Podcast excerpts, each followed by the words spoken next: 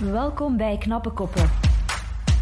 Een podcastreeks voor liefhebbers van rake analyses over actuele thema's en boeiende verhalen van gepassioneerde mensen. In deze aflevering zullen we het hebben over de oorlog op de arbeidsmarkt. The War for Talent. Wie deze oorlog zal winnen bespreken we zoals altijd met twee knappe koppen. Hallo, ik ben eh, Vincent van Malderen. Uh, ik ben uh, algemeen directeur bij Polstok. Ik ben Jan de Nijs. Ik werk bij Randstad en combineer daar eigenlijk drie functies: woordvoerderschap, public affairs en ik ben ook arbeidsmarktexpert. Alright, welkom Vincent en Jan. Voordat we eraan beginnen, is het misschien wel eens boeiend voor de luisteraars om te weten wat jullie bedrijf juist doet. hiervoor ga ik even beginnen met Vincent. jij werkt bij Polstok. Wat doet Polstok juist? Ja, ik ga dat kort uh, proberen houden. Um, we zijn een, een, een, netwerkorganisatie, een tussenorganisatie, die tussen de private sector en de publieke sector staat. Dus wij, via ja, tenders, binden wij de private HR en zelfs breder de PNO, personeel- en organisatiemarkt. Hebben we aan de ene kant de privé vertegenwoordigd bij ons, die dienstverlening levert. Dat zijn 73 momenteel private kantoren. En die dienstverlening bieden wij dan aan aan meer dan 500 overheidsklanten in Vlaanderen. En wij spelen vooral een rol van een kwaliteitsfilter. Wij, wij um, uh, beslissen wie dat er mee aan boord kan, wie niet, wie voldoende HR-kwaliteit kan leveren.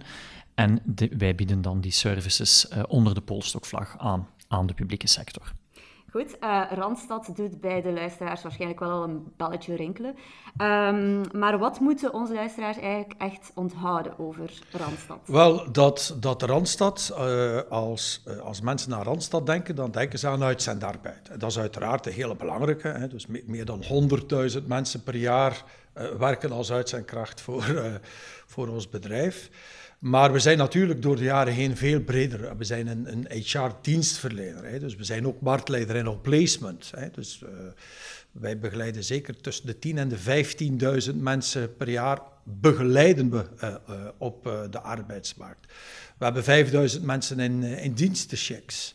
Uh, we hebben 1500 professionals uh, aan het werk. Hè. Dus we, we zijn een hele brede HR-dienstverlener. En, en ik merk nog altijd dat mensen dat niet goed doorhebben. Hè. Dus ze denken dat we eigenlijk alleen maar uitzendarbeid doen. En dat is al, eigenlijk al lang niet meer het geval. Hallo, mijn naam is nog steeds Sari Rooms. We zitten zoals altijd in het prachtige pand van Tour en Taxis, waar er vandaag ook een aantal live optredens plaatsvinden. Blijf dus zeker luisteren, zo kan je straks ook wat muziek meepikken. Ik denk dat uh, voor beide het wel uh, duidelijk is geweest dat het voorbije anderhalf jaar een beetje moeilijk is geweest voor uh, jullie sector. Um, welke effecten heeft corona eigenlijk gehad op, op de war for talent? Uiteraard, uh, eerst en vooral corona was dus ja, een, een, een event, hè, zoals, we dat, uh, zoals we dat noemen, die dus ja, negatief ingrijpt op, op uw economie. Van de ene dag op de andere ook heel plots hè, legt uw, wordt uw economie stilgelegd. Hè. Honderdduizenden mensen in, in tijdelijke werkloosheid, op het maximum zelfs meer dan een miljoen, hè, dus die eerste maanden. Dus uh, om even dan toch naar uitzendarbeid te gaan, van de ene dag op de andere vielen wij ongeveer op de helft van onze omzet de helft. Um, dus dat betekent dat wij als organisatie heel snel moesten schakelen natuurlijk. En uiteraard tijdelijke werkloosheid was daar een, een, belangrijk onderdeel van. Dus moesten, moesten we ook heel die thuiswerkoperatie, gelukkig hadden we daar al wat ervaring mee, uh, heel snel doorvoeren. Maar wat wat het tweede grote punt is, is dat zich dat eigenlijk heel snel hersteld heeft. Hè. Dus uh, na, na twee, ma, ma, drie maanden begon uh, uitzendaarbij dan weer te hernemen, andere vormen van dienstverlening uh, te hernemen, moesten we mensen terug uit tijdelijke werkloosheid halen. Dus het is, ja, ik zou zeggen, het was een ode aan de volatiele, hè, de, de agile, hè, de, de, wendbare organisatie. Hè. Dus een stresstest is geweest voor organisaties, is toch wel van wie is wendbaar. En de globale indruk is eigenlijk dat bedrijven, hè, uh, ik spreek nu even voor de privé, ja, maar, zeg maar kwaardig wendbaar hebben opgesteld. Ook omdat ze goed geholpen zijn door de overheid in het kader van tijdelijke tijdelijke werkloosheid. Maar bedrijven hebben zich daar eigenlijk, dat is ook een pluim voor HR trouwens, hè, dus zich zeer wendbaar getoond. Dus eigenlijk is dat een, een redelijk hoopvol teken. Hè. Bedrijven zijn getest geweest en zijn daar eigenlijk redelijk goed uitgekomen. Ja. Jij spreekt natuurlijk voornamelijk over de privé. Ja. Um, was dat bij Post ook, uh, Vincent, hetzelfde voor de publieke sector? Ja. Nu, gewoon ter verduidelijking, Polstok is zelf geen overheidsbedrijf. Wij zijn ook een, uh, privaat bedrijf, weliswaar door overheden uh, gestuurd. Maar we hebben wel een goede blik op die overheidsmarkt. Als ik kijk naar die dus toch wel plus 500 klanten die we vertegenwoordigen, um, deel ik daar de mening, ook van Jan, of de analyse van Jan, Um, waar wij inderdaad in onze... We hebben een heel brede dienstverlening, dus feitelijk elk domein van, van HR, PNO dekken wij af. Uitzendarbeid, wat wij ook via Polstok aanbieden. Um, inderdaad, dat is een verloren kwartaal geweest. Dat was echt heel, heel duidelijk zichtbaar. Selectieprocedures, hè, als we dat straks zeker over de krapte gaan hebben, toch de, het, instroominstrument, heel uh, direct teruggevallen. Maar daar is een enorme wendbaarheid getoond bij de, de kantoren. Um, we hebben 16 selectiekantoren onder, onder contract. Hebben we gezien dat daar, uh, dat is vrij snel terug uh, opgetrokken geweest. En daar, daar zie je de wendbaarheid spelen van de klanten die openstaan, zeker de overheidsklanten, waar bepaalde zaken als vroeger uh, een digitaal selectiegesprek volgens regelgeving kon dat niet. Ja, corona heeft gedwongen om daar toch sneller in te schakelen. En ook de kantoren die zich heel wendbaar get, get, getoond hebben. Als ik dan zo terugkijk met die bril, vanuit Polstok hebben wij feitelijk in coronajaar 2020 ons beste jaar ooit gedraaid. Dus wij zien, dat kan, dat kan ook te maken hebben met de groei van de organisatie, een groei die al een paar jaren gezet is, maar selectie zien wij, het aantal opdrachten dat wij gedaan hebben, is, is heel groot. Dus we zien er is zeker geen dramatische terugval van instroom geweest in, in, de, over, in de overheden. En, en zeker voor ons als organisatie was corona absoluut geen... Uh, annus uh, horribilis, uh, maar nee, in tegendeel, een goed jaar. Ja. Oké, okay, dat is uh, wel nog goed om te horen. Ja. Uh, maar een zeer gelijkaardige analyse bij beide. Uh, Vincent, bij Polstok kijken jullie ook wel um, door een wetenschappelijke bril naar de War for Talent. Hè? want jullie stokpaardje is evidence-based management. Dat zegt mij echt helemaal niets. okay. um, eerlijk gezegd, ik, ik, gebruik het woord evidence-based management niet zo graag niet meer. Omdat um, net, net voor uw reactie ook mensen stellen zich er dan iets bij voor wat gigantisch wetenschappelijk of gigantisch complex is, wat absoluut niet is. Wij spreken in onze organisatie nu meer en meer van bewezen kwaliteit. Er is een enorme evolutie geweest, waar vroeger qua HR-oplossingen ja, heel veel um, praktijken waren die feitelijk super buikgevoel werkten of die echt niet uh, aangetoond waren dat ze werken. Heel veel quatsch ook. Daar zijn stappen gezet, absoluut. Zeker in het domein van selectie, um, maar ook in het domein van coaching, et cetera, zijn daar stappen gezet om daar meer kwalitatievere um, tools te komen. Waarom zetten wij daar in Post ook zo op in? En is dat ook een stuk onze, onze brand geworden en ons, onze, onze, onze, hoe zeggen ze dat, onze USP, onze unieke uh, toegevoegde waarde? Is, uh, zeker in overheidscontext, um, het is belangrijk dat je die efficiëntie nastreeft. Um, we werken met overheidsgeld, met geld van de burger, dat geïnvesteerd wordt in die overheden.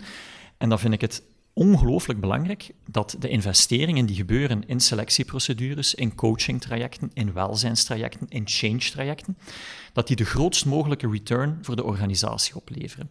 En dat kan je alleen maar doen door te werken met bewezen kwaliteit, met oplossingen en tools die op basis van data kunnen aantonen, als ik dit doe, dan werkt dat.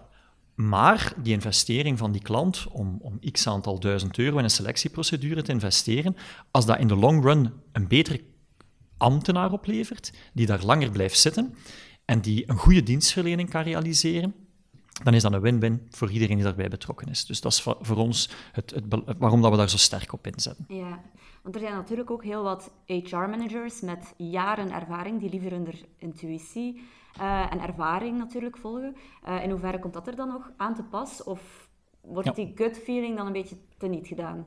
Mm, nee, wel, er is ook, dat is ook een stuk waar rond evidence-based management wat soms wat verkeerd begrepen wordt. Het is niet enkel data en wetenschappelijke studies, die zijn zeer belangrijk omdat die richting geven. Maar de expertise van iemand is ook data. Hè. Maar je moet je bewust zijn, dus eigen expertise kan zeer waardevol zijn. Expertise van stakeholders kan zeer waardevol zijn en kunnen leiden tot betere beslissingen, want daar gaat het altijd over. Hè. Hoe kan een HR-manager de beste beslissing maken? Dus dat, dat is, daar is dat ook een, een genuanceerd verhaal, waar, waar een, een goede HR-manager wel van bewust moet zijn, is van zijn eigen denkfouten. En dat die intuïtie niet in de weg staat van bewezen praktijken die dan in de schaduw zouden komen staan. Dus het is kritisch naar jezelf kijken, wat wil niet zeggen dat je eigen expertise niet kan meepakken. Ja, kijk jij daar op dezelfde manier naar toe? Ik kan daar eigenlijk uh, nagenoeg niks aan toe. ik vind dat perfect verwoord van. Uh, we, we, hebben nogthans niks afgesproken. Maar uh, dus en ik ga ook niet herhalen wat, uh, wat hij heeft gezegd. Dus ik, ik, ben uiteraard een believer. Ik kom ook uit de wetenschappelijke wereld. En dat geldt niet alleen voor HR, maar ook op het gebied van arbeidsmarktbeleid. Ja, zeg ik van, jong. We zullen het even over iets helemaal anders hebben, aangezien dat jullie toch uh, op dezelfde lijn zitten hierover. Uh, want een, een, kenmerk van de War of for Talent is dat kandidaten met sterke profielen eigenlijk veel eisender worden uh, dan ooit. Um, wat vinden zij vandaag de dag belangrijk in de keuze van hun werkgever? Jan? Wel, um, dan moet ik eigenlijk toch, um, want ik kan niet spreken over concrete individuen. Hè. Een mens, wat een mens, dat is aan die mens natuurlijk om, om, om dat uh, om dat uit te spreken. Maar eigenlijk in deze is het beter om, om te refereren naar ons, naar ons eigen onderzoek van Randstad rond, rond employer branding, waar we al, al vele jaren vragen aan de mensen, als je voor een werkgever kiest, waarom is dat dan? Ja. Uh, en ja, de, de, de, resultaten zijn weinig wereldschokkend, maar loon- en arbeidsvoorwaarden is wel degelijk het belangrijkste. Ja, er zijn ook weer veel misverstanden rond, maar denk dan van ja, oké, het is alleen maar loon. Nee, uiteraard niet. Hè. Maar wat wel zo is, is dat bedrijven die uh, op gebied van loon uh, niet kunnen competen, hè, niet kunnen wedijveren, moeten natuurlijk met voldoende andere, met andere alternatieven komen. Wat, wat is nog belangrijk naast loon? Die is zo wereldschokkend opnieuw. Uw werkzekerheid hè, is, is ook een belangrijke. De werksfeer, hè, die natuurlijk een heel groot contraire begrip is. Is het daar aangenaam werken? Is ook een hele belangrijke. En dan natuurlijk ook niet te vergeten het, het, het hele verhaal van uh, balans, werk, de afstemming van werk en privé. Dus bedrijven komen altijd op de tweede plaats. Ik zeg ook altijd als bedrijf, daarom dat uw vacatures zo goed moeten zijn. Want daar kom je met die functie daarvoor. Daar start alles. Als die functie niet is, dan mag je voor de rest genoeg uh, allemaal dingen aanbieden. Als je die inhang mist, dan heb je al heel het verhaal gemist. Hè? Dus, wat uiteraard de inhoud van de job, de aard van het werk is een heel belangrijke, daar start. Dan denk ik dat je al redelijk veel hebt. Er zijn natuurlijk nog heel wat andere zaken om, om af te sluiten, want daar kan, kan ik eigenlijk de podcast nu mee, mee, volpraten. Uh, heel het verhaal van, ga mensen, dag van vandaag kiezen toch voor bedrijven die, uh, die, die corporate social responsibility in het van, maatschappelijk verantwoord ondernemen. Wel, dat valt toch wat tegen eigenlijk. Er zijn bedrijven die zich daar een beetje op verkijken. Hè. Die denken van als we maar een, een heel maatschappelijk Nee, dat, en, maar je betaalt dan hele, hele slechte lonen, ja, dan gaat je toch al, dat gaat al niet gemakkelijk zijn. Dan heb je toch een maar redelijk beperkte niche van je arbeidsmarkt die je kunt binnenhalen. Ja, uh, Vincent, um, hoe moeten werkgevers volgens jou omgaan met veel eisende kandidaten? Ja, maar ik, zou, ik zou de link terug naar, naar de overheid wat, wat, wat willen leggen. Ja. Um, omdat dat natuurlijk een, een, enorme uitdaging voor de overheid ligt. Hè. Een, aantal, een aantal moeilijkheden, een aantal obstakels, maar ook wel een aantal troeven. In het, uh, het onderzoek waar, uh, waar Jan naar verwijst, ik ben een, een trouwe bezoeker van de Employer Brand uh, Awards van Randstad. Um, een aantal jaar terug is daar eens een opleiding gemaakt. Wie zijn de meest aantrekkelijke werkgevers? Um, en lokale overheden, wat nog altijd de grootste groep klanten is van Polstok, hmm. kwam daar als nummer één naar boven. Hè. Dus meer dan de pharma. Meer. Dus, dus je hebt daar een enorme aantrekkingskracht voor die overheid. Dus, en toch sukkelt die overheid ook met de talenten aan te trekken. Um, dus daar, zit daar, daar moet nog wel wat gesleuteld worden. Hè. Ik... Um, ik, eh, we kunnen ook niet spreken van de overheid. dat is ook een, een, een, miskenning. Je kan ook niet spreken van de privé. En daar is ook heel veel verschil tussen. Maar zeker in die overheid, er zijn een aantal gelijkenissen. Um, en je kunt absoluut niet een, uh, een havenbedrijf of een universiteit vergelijken met een met lokaal bestuur. Hè. Daar, daar, zijn, daar zijn verschil tussen. Um, naar verloning toe. Ehm, dat, is, dat kan een handicap, maar ook een troef zijn. Voor sommige profielen uh, gaat een overheid een goede betaler zijn. Voor een aantal andere profielen gaat dat net problematisch zijn. En daar zien wij wat een gevaarlijke tendens, dat er, en we kunnen daar misschien straks nog even op terugkomen, is dat bepaalde, want we zitten dan echt in een soort kerntakendebat, dat bepaalde cruciale functies van een overheid uitbesteed worden. Terwijl dat, dat goed zou zijn dat die net intern ingevuld worden en dan misschien een overheid ook eens moet kijken, moet ik alles doen en kunnen we andere zaken niet uitbesteden. Ik denk dat daar, dat daar kritisch naar, naar gekeken kan worden. Maar die verloning, wat ik wel een belangrijke troef vind, uh, wat Jan daarnet ook aangaf, Um, je moet, en dat klopt, je moet niet altijd de beste betaler zijn om talent aan te trekken. Je moet er niet in overdrijven natuurlijk, je moet, je moet iets betalen. Wat zeer belangrijk is, en dat blijkt uit wetenschappelijk onderzoek, is de interne billijkheid in een organisatie. Het, het, het, op zich, als je iedereen in je organisatie voldoende verloont, maar als iemand het gevoel heeft dat iemand voor dezelfde functie een hoger loon krijgt dan hetzelfde, dat is een groot probleem. En daar natuurlijk kan een overheid, uh, zit daar goed, omdat je daar met barema's werkt, dat is heel duidelijk, heel duidelijk gestructureerd. Dus um, dat is om dat, dat, dat verloningsdebat wat, uh, wat te nuanceren. Voor de volgende rubriek heb ik aan mijn gasten gevraagd om één vraag voor te bereiden die ze graag aan de ander willen stellen. Uh, is er iemand die de spits daarvoor wil afbijten? Ik sta voor dat Faisal beginnen. Ik begin? Oké. Ik, ik, trek vaak de parallel. Eh, COVID is daar een heel interessante case voor, omdat COVID en vooral de vaccins zijn ultiem evidence-based. Een vaccin is ontwikkeld met wetenschappelijk proces, met heel veel data. HR-oplossingen kun je op dezelfde manier een stuk zien. We zoeken data, we zoeken naar bewijs, we passen ze toe, we verzamelen data, we zien de werkzaamheid. Mhm. En toch, net zoals bij COVID, zie je dat daar heel snel twijfelaars op staan die niet overtuigd geraken van de data, van het bewijs. Dat is iets waar ik persoonlijk vaak mee, mee, mee struggle. Mijn vraag aan Jan is, hoe ga je daarmee om? Hoe overtuig je die mensen? Maar, maar COVID vind ik, um, vind ik eigenlijk niet zo'n goed voorbeeld voor het thema dat je volgens mij wel, wel aankaart. Omdat ik in zaken COVID uh, ja, is de situatie, denk ik, redelijk duidelijk. Hè. We spreken mhm. hier over een wetenschappelijke realiteit met grote evidentie. Ja, ik durf naar voorschuiven dat een werkgever mag eisen ja, dat iemand gevaccineerd is om die persoon toe te laten uh, op de werkplek. Dus nooit kun je nog zeggen, je kunt in de gevallen waar thuis kan gewerkt worden, uh, kunnen mensen thuis werken. Een werkgever is ook verplicht uh, als hij iemand werk geeft om veilige arbeidsvoorwaarden te scheppen. Daar is hij ook verplicht toe. We zitten daar in een, in een moeilijk parket.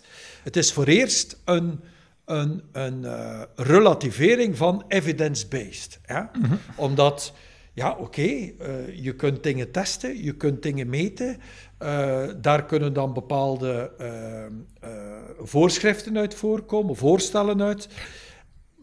Maar dat heeft duidelijk aan dat dat dus op zich niet voldoende is. Hè? Dus je moet dan ook draagvlak creëren in een organisatie. Dus het volstaat niet om te meten en te zeggen, dat is het nu. Nee, je moet, daarom is het ook niet slecht om, om gedragspsychologen mee te pakken in uw, in uw verhaal. Hè. Dus uh, een mooie toekomst voor de gedrag. We hebben dat ook gezien in het kader van COVID. Hè. Eerst zaten ze niet mee in die comité's. En naarmate dat COVID vorderde, uh, zijn ze meer en meer belangrijk geworden in het debat. Dus uh, evidence-based betekent ook dit soort expertise meebrengen in, uw, eh, in uw organisatie. Het is een veranderingstraject als een ander veranderingstraject. En, en change doorvoeren in een organisatie is van het moeilijkste wat er is. En, en dat is inderdaad absoluut niet top-down. Um, denk, mijn ervaring is ook zeker niet wat, wat ik denk in het in ganse domein van, van die wetenschappelijke kijk op HR is absoluut niet vanuit een ivoren toren of van zwaaien met de papieren. Dit werkt en wat jij gebruikt, hahaha, werkt niet. Dat is niet de manier om het, om het, om het aan te pakken. Uh, dus ik heb daarnet verwezen naar het employer brand onderzoek en we weten dat werkzekerheid en loon uh, belangrijk is. Nu, globaal genomen is de overheid een goede betaler. Uh, maar bovendien is de wordt de overheid natuurlijk vele keren beter gepercipieerd op het gebied van werkzekerheid. Ja? Dus mijn stelling is de volgende, of mijn vraag is: de overheid trekt, eh, historisch zeker, maar ik denk nog altijd, uh, een stuk soms de verkeerde profielen aan. Ja, uh, dat zijn dus de mensen die inderdaad voor uh, de werkzekerheid gaan, voor het, het, meer dan competitief loon gaan, maar niet altijd, dat is dan de, het nadeel, hè, dus in, in bepaalde gevallen niet altijd zo intrinsiek gemotiveerd zijn voor de functie die ze moeten doen. Dus ik heb ook altijd gezegd van kijk, het onderwijs. Ehm, Waarom vaste benoemingen in het onderwijs? Dat trekt ook mensen aan die eigenlijk niet zo geïnteresseerd zijn om onderwijs te geven. Dat is een vraag. Dat is nogal, dat is nogal een vraag. um, ik, ik, denk dat er wel, wel redelijk wat evolutie is. Hè. Als, ik, um, als ik vergelijk, ik heb een verleden met de federale overheid, waar ik echt letterlijk aan, aan, de, aan de bron meewerkte aan, aan de instroom van de federale ambtenaren. Um, doorheen die jaren zien we wel dat er meer kwaliteit binnenkomt. Um, maar de opmerking die Jan maakt, dat er nog wel een aantrekkingskracht kan zijn voor mensen die specifiek naar die extrinsieke motivatoren dan vooral op zoek is, daar zal wel iets van aan zijn. Om dat te vermijden, denk ik, um, er zijn een, een aantal pistes waar een overheid verder op kan inzetten. Ik denk enerzijds is flexibilisering van het statuut, sowieso. Hè. Dus, dus, dus de statuten zijn wat ze zijn. Je hebt het statutaire, het contractuele, daar meer flexibiliteit in creëren.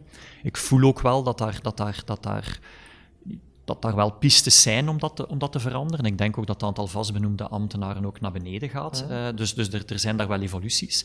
Ook naar, naar retentie dan toe bijvoorbeeld. Uh, dat klopt dat daar ook nog wel een probleem zit, maar toch, want ik had wat, wat cijfers opgezocht, bijvoorbeeld de Vlaamse overheid heeft toch ook, allee, toch in 2020 dacht dat er een 400 ambtenaren toch vertrokken zijn, dus het is niet meer zoals vroeger weet ik op het federale niveau, wat al letterlijk bijna geen enkele uitstroom is, dat, dat begint toch wel een klein beetje te veranderen. Ik denk heel belangrijk om de juiste profiel aan te trekken. Ik weet dat selectietechnieken niet alles kunnen doen, dat is waar, daar is een beperking op. Maar toch, mijn, mijn, mijn pleidooi weer voor kwalitatieve tools, ga je toch kwalitatiever kunnen screenen. En hoe competentiegerichter, hoe beter. Veel lokale overheden Um, ja, ik denk dat ik wel wat scherp mag spreken ook, uh, rijden zich soms vast in hun eigen regelgeving. Hè. En dan, dan, dan heb je van die, de rechtspositieregelingen zijn in ons geval waar een, waar een bestuur feitelijk zijn eigen regels oplegt, die door Vlaanderen gestuurd worden, maar ze mogen die nog wat... En dan bouwen ze alles zo vast qua selectieprocedures. Daar moet dat gebeuren, daar moet dat gebeuren, met die timing. Daar worden bijlages bij gedaan, aan de typische Vlaamse koterij zie je daar dan terugkomen daar ook flexibiliseren. Gewoon een heel modern HR-beleid, waar absoluut goede voorbeelden van zijn bij overheden, zeker en vast. Hè. Ik denk dat er heel veel kwaliteit in HR in overheden zit. Maar dan nog meer uitrollen. Denken dat je betere talenten gaat kunnen aantrekken en dat je, dat je het kaf van het koren beter gaat kunnen scheiden. Ik geloof ook heel sterk dat uh, als je die cultuur, en dat mag geen window dressing zijn, je moet die cultuur van je organisatie, die innovatie die een overheid is, uh, die die, die ook echt bestaat, die innovatie. Ik ben een grote fan van uh, Mariana Mazzucato, hè, die, die de overheid als driver van innovatie echt ziet. Ik zie dat ook. En ik zie ook overheden waar het niet gebeurt, maar er is ook innovatie. Mhm.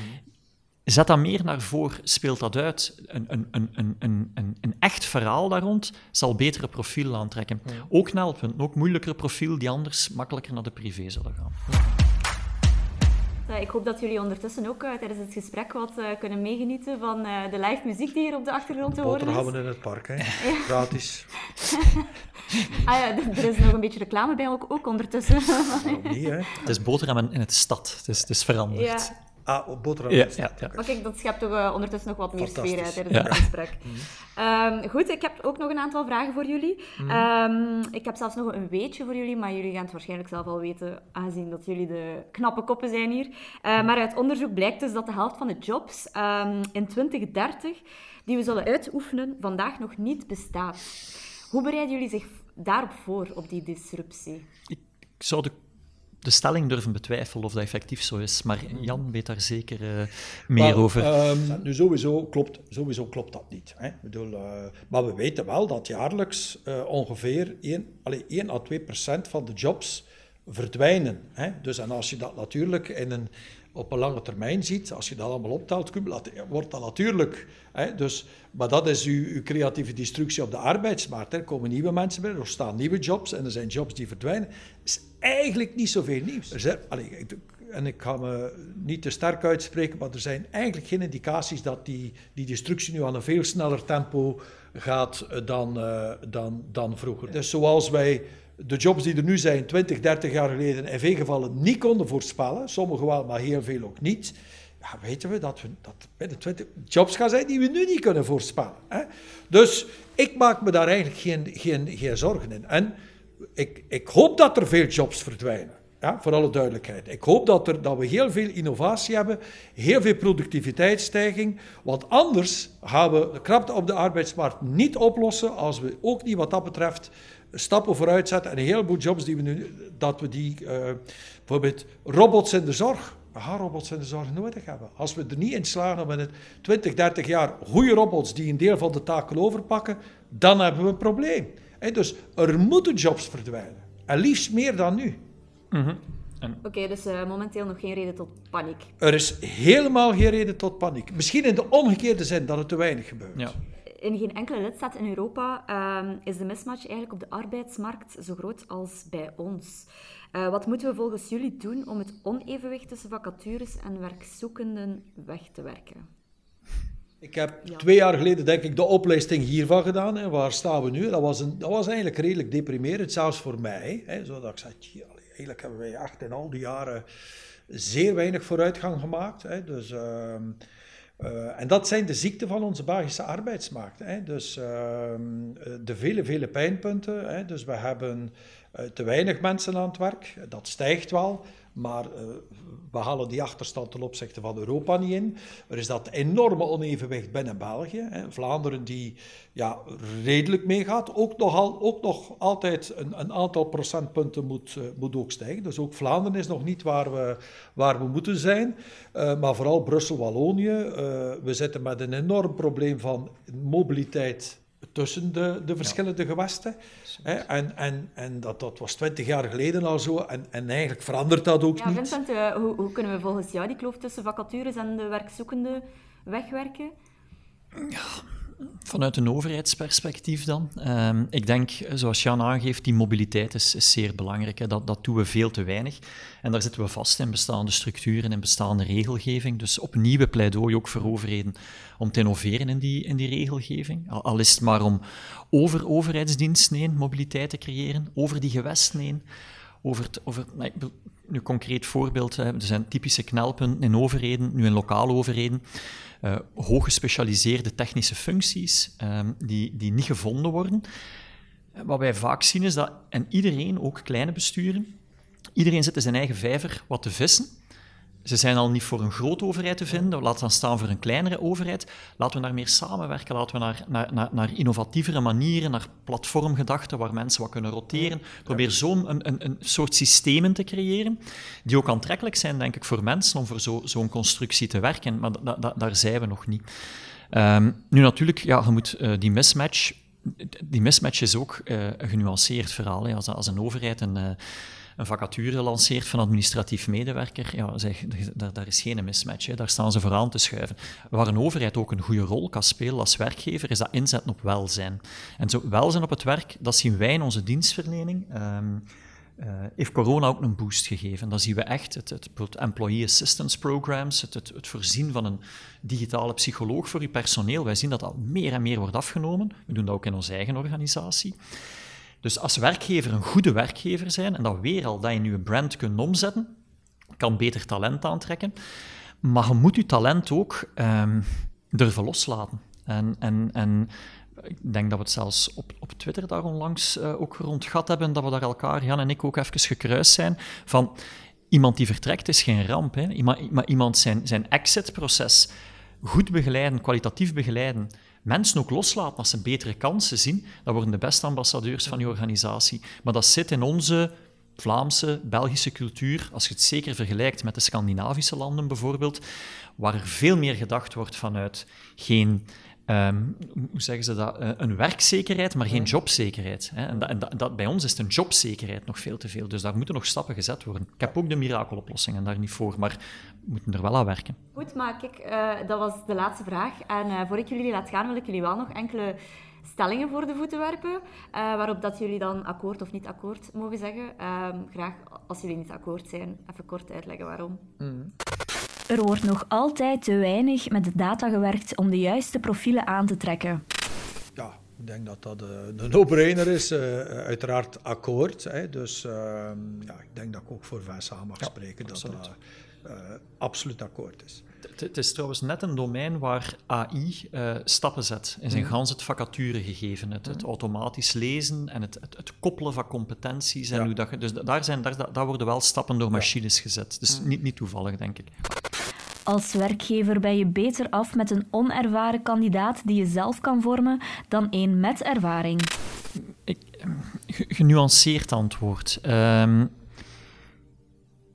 we weten uit onderzoek dat ervaring, cv, werkervaring, niet gigantisch predictief is voor, um, voor jobfunctioneren. Uh, wat niet wil zeggen dat het, dat het, het heeft zijn impact, maar het wordt vaak onder, um, overschat. Ja. Ik, ik, probeer in ons eigen verpooststuk, onze eigen vacatures, ervaring en diploma eisen. Diploma is wel voor, kan wel zeker voorspellend zijn, maar daar niet te rigide in te zijn. Um, wel, ik, ik vind sowieso een te algemene stelling hè, om, uh, om ja of nee op te antwoorden. Maar uh, ervaring is inderdaad niet iets wat per definitie een positieve, positieve insteek heeft. Want alles hangt ervan af welke ervaring. Hè. Dus uw mm -hmm. Kan u ook in de weg beginnen zitten. Hè? Bedoel, je, je hebt een goede ervaring, want je weet, ik heb het zo gedaan en dat heeft altijd goed gewerkt. En intussen heb je een heleboel hele boeiende nieuwe ontwikkelingen niet meegepakt. Dus het kan uiteraard een voordeel zijn, dat spreekt vanzelf. Maar ervaring kan ook een groot nadeel zijn. Dus als dusdanig uh, kun je er niet zomaar een algemene uitspraak over doen. Werkgevers moeten er alles aan doen om goede werknemers zo lang mogelijk aan hun bedrijf te binden als er nu weer iets is waarvan ik denk dat, uh, waar we, dat we daar in België eigenlijk geen probleem mee hebben, dat is retentie. Dan in, die, in die termen zijn eigenlijk zeer loyaal aan het bedrijf hè, waar dat ze werken. En wellicht zelfs veel te veel. Maar globaal genomen uh, zitten wij in België daar niet met het probleem. Mensen blijven redelijk lang in een bedrijf. Uh, dus dat onze arbeidsmarkt de duiventel is, waar mensen binnenkomen en heel rap weer weg zijn, dat is eigenlijk niet zo. Hè? Mhm. dus, uh, Ik deel die mening ook dat we daar naar, uh, meer naar moeten streven, ook in overheden, om, om, om die mobiliteit, om, om, om vers bloed gemakkelijker binnen te halen, vers talent. Maar je moet dat ook op lange termijn bekijken. En ik heb ooit zo eens een metafoor gehoord, ik weet niet meer van welke presentatie, een Amerikaanse prof, die zei, HR moet feitelijk een stuk zien als bandwerk je staat aan een band in een fabriek en als er uit in een band een bout springt, moet je redelijk rap een bout uit je bak kunnen pakken en dat herstel. Zo moet je ook een stuk naar mensen kijken in je organisatie. En als die daar gemakkelijk zouden weggaan, voor eender welke reden, dat je daar gemakkelijker terug instrument. Maar dat is, dat is absoluut nog niet het geval. Dus daar gaat, ook, gaat, gaat er ook proactief moeten gekeken worden hoe, dat we, dat, eh, hoe dat we dat verder aanpakken. Alright, oké. Eh, en bij deze zit het erop. Ik vond het een heel interessant gesprek. Ik hoop dat jullie uh, het ook uh, interessant vonden. Dat is leuk, ja. oké, en hopelijk gaan jullie hier misschien hierna nog een live concertje gaan meepikken. Dat zou qua timing misschien wel net kunnen overeenkomen. Als ja. het allemaal weer mag. Ja, zolang als wij niet moeten zingen is het... En ook jullie opnieuw bedankt om te luisteren naar deze aflevering van Knappe Koppen. Benieuwd naar de volgende aflevering? Abonneer je dan snel en volg Knappe Koppen en Mediaplanet België op Instagram. Voor alle vragen en opmerkingen kan je ons ook contacteren via knappekoppen.mediaplanet.com.